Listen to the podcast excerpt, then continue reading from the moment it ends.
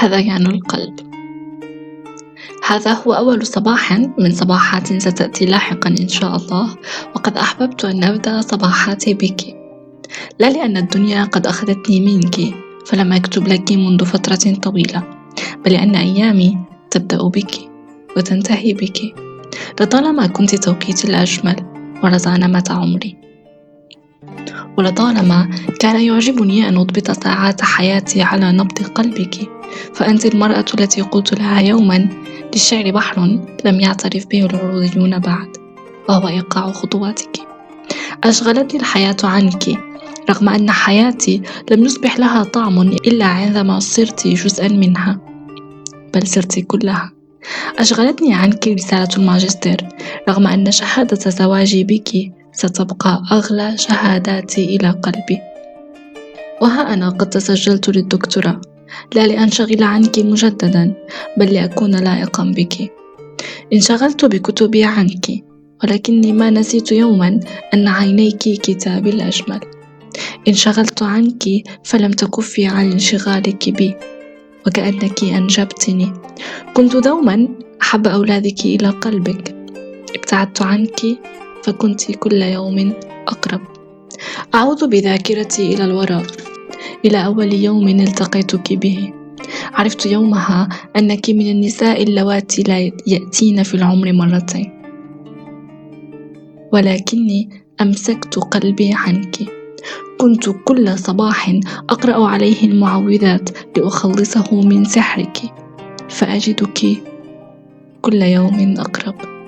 عندما قررت أن أهرب منك وجدتني أهرب إليك وأقول لك أحبك.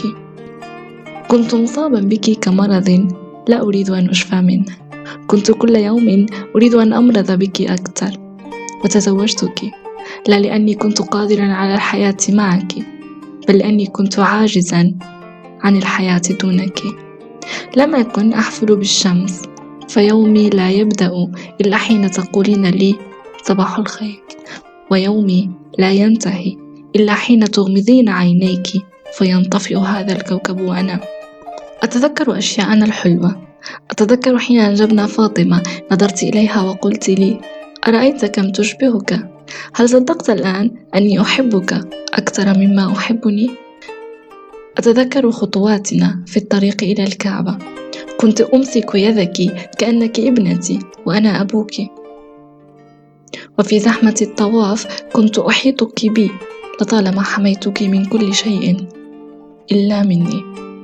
وعند ماء زمزم كنت أرتوي بك وفي عرفة مازحتك لا ترشيني بماء وضوئك لا يجوز للمحرم أن يمص الطيب.